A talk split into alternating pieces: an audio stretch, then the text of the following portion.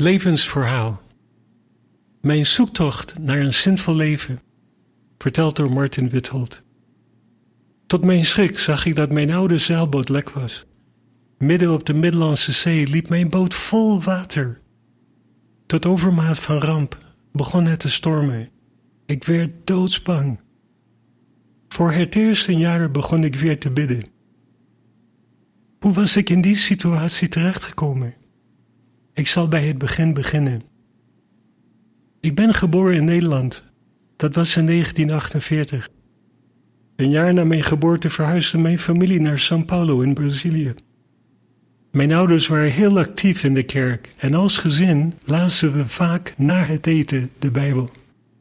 In 1959 immigreerden we opnieuw, maar deze keer naar Amerika. We gingen wonen in de staat Massachusetts. We waren thuis met z'n achten. Mijn vader werkte hard voor zijn gezin. Hij heeft allerlei banen gehad, van verkoper tot wegwerker en vertegenwoordiger van een internationale luchtvaartmaatschappij. Met zijn baan in de luchtvaart waren we allemaal heel blij, want het betekende dat we overal naartoe konden reizen. Op de middelbare school vroeg ik me vaak af wat ik met mijn leven moest doen. Een paar van mijn vrienden gingen naar de universiteit, anderen gingen in militaire dienst. Maar het leger was voor mij geen optie, want ik hield niet van ruzie, laat staan van vechten. Om onder militaire dienst uit te komen besloot ik naar de universiteit te gaan. Maar diep van binnen wilde ik graag mensen helpen. Dan heeft mijn leven pas echt een doel, dacht ik. Het leven op de campus, op de universiteit vond ik antropologie interessant, want ik was nieuwsgierig naar de oorsprong van het leven. Docenten onderwezen de evolutietheorie en gingen ervan uit dat we die als een vaststaand feit accepteerden. Maar ik zag soms geen logica in de argumenten en vond dat ze om blind geloof vroegen. En dat gaat in tegen de wetenschappelijke methode. In de colleges die ik volgde werd geen hoge moraal onderwezen. De nadruk lag eerder op het behalen van succes ten koste van alles. Ik voelde me gelukkig als ik met vrienden op feestjes was en drugs kon uitproberen. Maar dat gevoel was vluchtig. Ik vroeg me af: is dit nou de zin van het leven? Later verhuisde ik naar Boston en ging ik daar naar een universiteit. Om mijn studie te bekostigen nam ik een vakantiebaantje en toen kwam ik voor het eerst in contact met Jehovah's getuigen. Een collega sprak met me over de profetie van de zeven tijden in Daniel 4 en legde uit dat we in de tijd van het einde leven. Ik kreeg al vrij snel door waar die gesprekken toe zouden leiden als ik ze serieus nam. Ik zou mijn leven moeten veranderen. En dus deed ik wat ik kon om die collega uit de weg te gaan. Op de universiteit volgde ik colleges die me zouden voorbereiden op vrijwilligerswerk in Zuid-Amerika. Ik dacht dat humanitaire hulpverlening me een doel zou geven in het leven. Maar mijn twijfels over de zin van het leven namen alleen maar toe. Gedesillusioneerd stopte ik aan het einde van dat semester met mijn studies. Mijn zoektocht brengt me in verre landen. In 1970 verhuisde ik naar Amsterdam, waar ik voor dezelfde luchtvaartmaatschappij als mijn vader ging werken. Door die baan kon ik veel reizen. Ik bezocht landen in Afrika, Amerika, Europa en het Verre Oosten. Maar in elk land waar ik kwam, zag ik dat er grote problemen waren en niemand praktische oplossingen had. Ik kreeg opnieuw het verlangen iets te doen dat de moeite waard was. En dus besloot ik terug te gaan naar Amerika om weer te studeren aan diezelfde universiteit in Boston. Maar daar ging ik al gauw beseffen dat ik nog steeds geen antwoorden kreeg op mijn vragen over het leven. Omdat ik niet wist wat ik moest doen, vroeg ik de hoogleraar antropologie om advies. Zijn reactie verraste me. Waarom zou je nog doorgaan? Waarom stop je niet meteen? Dat hoefde hij geen tweede keer te zeggen en ik stopte definitief met studeren.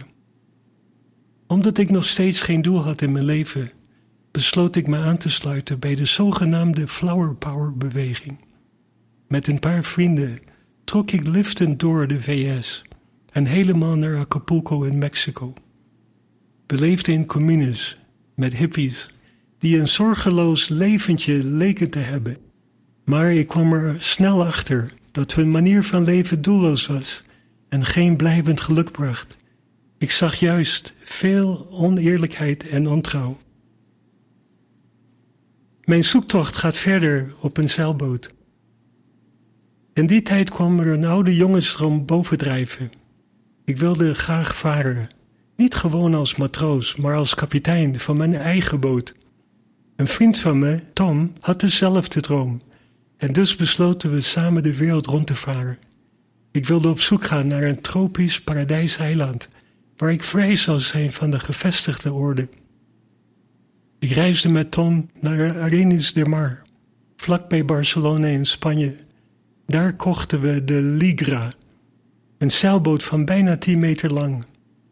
We knapten de sloep op, zodat hij zeewaardig zou zijn. Omdat we geen haast hadden om onze bestemming te bereiken, haalden we de motor eruit, zodat we de ruimte konden gebruiken voor extra drinkwater. Om met de boot in kleine havens te kunnen komen, kochten we twee roeispaden van vijf meter. Uiteindelijk zetten we koers naar de Seychelles in de Indische Oceaan. We waren van plan om langs de westkust van Afrika en dan rond Kaap de Goede Hoop in Zuid-Afrika te varen. We navigeerden met een sextant, zodat we onze koers konden uitzetten aan de hand van de sterren, sterrenkaarten en almanakken. Ik stond er versteld van hoe precies we onze positie konden bepalen. Al gauw kregen we door dat die oude houten schuit helemaal niet zeewaardig was. Het water stroomde met ruim 20 liter per uur naar binnen. Toen er ook nog een storm ontstak, werd ik bang en begon ik voor het eerst in jaren weer te bidden. Ik beloofde God dat als we het zouden overleven, ik zou proberen Hem te leren kennen. De storm ging liggen en deze keer hield ik me aan mijn belofte. Ik begon tijdens de tocht op zee de Bijbel te lezen. Stel je voor, een bootje ergens op de Middellandse Zee, vliegende vissen, dolfijnen en een eindeloos horizon. S'nachts keek ik gefascineerd naar de Melkweg. Ik raakte er nog meer van overtuigd dat er een God is die in mensen geïnteresseerd is. Na een aantal weken op zee roeiden we de haven van Alicante binnen. Daar zetten we onze boot te koop, zodat we een beter konden kopen. Het zou geen verrassing zijn dat het niet makkelijk was een koper te vinden voor een oude, motorloze zeilboot met een lek. Aan de andere kant was het een geweldige kans om in mijn Bijbel te lezen. Hoe meer ik de Bijbel las, hoe meer ik die begon te zien als een gids voor succes in het leven. Ik was onder de indruk van de heldere taal waarin over een moreel zuiver leven werd gesproken. Ik vroeg me af waarom zoveel mensen, ikzelf inbegrepen, zich christenen noemen, maar negeren wat erin staat. Ik was vastbesloten mijn leven in het reine te brengen en dus stopte ik met drugs. Ik dacht, er moeten toch mensen zijn die naar de hoge normen van de Bijbel leven. Omdat ik ze graag wilde ontmoeten, ging ik voor een tweede keer in gebed. Ik vroeg God me te helpen ze te vinden. Mijn zoektocht naar het ware geloof. Het leek me logisch het eliminatieproces te gebruiken om het ware geloof te vinden. Terwijl ik door de straten van Alicante liep, zag ik heel wat religieuze gebouwen. Maar de meeste hadden beelden, dus die kon ik makkelijk van mijn lijst schrappen. Op een zondagmiddag las ik op een berghelling met uitzicht op de haven Jacobus 2, vers 1 tot 5, waar wordt gewaarschuwd voor het voortrekken van rijke mensen. Onderweg naar onze boot kwam ik langs een gebouw met een bord boven de ingang waarop stond Koninkrijkszaal van Jehovah's getuigen. Ik zal die mensen eens uitproberen, dacht ik, eens zien hoe ze mij ontvangen. En dus liep ik op blote voeten met een baard en in een versleten spijkerbroek de koninkrijkszaal binnen. De zaalwacht bracht me naar een stoel naast een oudere dame, die me vriendelijk hielp de teksten te vinden die de spreker noemde. Na de bijeenkomst stond ik ervan te kijken dat iedereen die me kwam begroeten zo vriendelijk was. Eén man nodigde me uit voor een gesprek bij hem thuis, maar omdat ik de Bijbel nog niet uit had, zei ik: Ik laat je wel weten wanneer ik klaar ben. Ondertussen begon ik alle vergaderingen te bezoeken. Toen ik een paar weken later de man bezocht, beantwoordde hij mijn vragen over de Bijbel. Een week later gaf hij mij een tas vol nette kleren. Hij zei dat de persoon van wie ze waren in de gevangenis zat vanwege zijn gehoorzaamheid aan de Bijbelse gebod om elkaar lief te hebben en de oorlog niet meer te leren. Nu wist ik zeker dat ik had gevonden wat ik zocht. Mensen die echt toepassen wat de Bijbel duidelijk zegt over een hoge moraal. Mijn doel was niet meer om een paradijselijk eiland te vinden, maar om een diepgaande studie van de Bijbel te maken. En dus ging ik terug naar Nederland. Werk zoeken. Na vier dagen liften kwam ik in Groningen. Daar moest ik werk zoeken om mezelf te kunnen onderhouden. Bij een timmerwerkplaats waar ik solliciteerde, werd op het formulier gevraagd naar mijn geloof. Ik schreef op Jehovah's getuige. Toen de eigenaar dat las, zag ik de uitdrukking op zijn gezicht veranderen. Hij zei: Ik bel je nog wel, maar ik heb nooit meer wat van hem gehoord. Bij een andere timmerwerkplaats vroeg ik de eigenaar of hij nog hulp nodig had. Hij vroeg naar mijn diploma's en mijn cv. Ik legde uit dat ik reparatiewerk had gedaan aan een houten zeilboot. Tot mijn verrassing zei hij: Je kunt vanmiddag beginnen, maar onder één voorwaarde. Ik wil geen problemen in mijn werkplaats, want ik ben een van Jehovah's getuigen en ik leef naar Bijbelse principes. Ik keek hem verbaasd aan en zei: Ik ook. Maar hij keek naar mijn lange haar en baard en zei: Dan zal ik de Bijbel met je bestuderen. Dat aanbod nam ik graag aan. Nu snapte ik waarom die andere eigenaar nooit had teruggebeld. Jehovah wilde me de beden van mijn hart geven. Een jaar lang werkte ik bij die broeder in de werkplaats en studeerde hij met mij. In januari 1974 werd ik gedoopt. Eindelijk een zinvol leven. Een maand later begon ik met de pionierdienst, een carrière die me veel voldoening heeft gegeven. De maand erna verhuisde ik naar Amsterdam om een nieuwe Spaanse groep te ondersteunen. Wat was het geweldig Bijbelstudies te leiden in het Spaans en Portugees. In mei 1975 kreeg ik het voorrecht in de speciale pionierdienst te mogen gaan.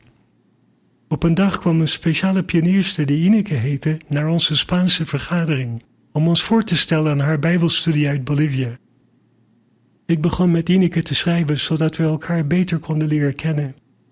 Al gauw bleek dat we dezelfde doelen hadden. In 1976 trouwden we, waarna we samen als speciale pioniers dienden. In 1982 werden we uitgenodigd voor de 73ste klas van Gilead. Wat waren we blij dat we een toewijzing kregen in Oost-Afrika. Vijf jaar lang dienden we in Mombasa in Kenia. In 1987 kregen we een toewijzing in Tanzania, waar het verbod op de prediking net was opgeheven. Daar hebben we 26 jaar gediend, waarna we terugkeerden naar Kenia. Dankbare mensen de Bijbelse waarheid leren, heeft ons leven echt betekenis gegeven.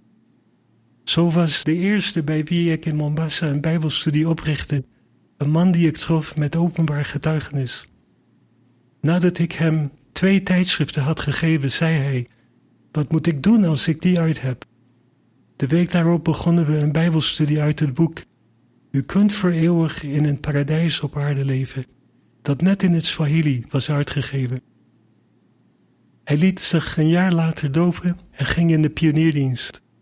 Sindsdien hebben hij en zijn vrouw bijna honderd mensen tot opdracht en doop mogen begeleiden.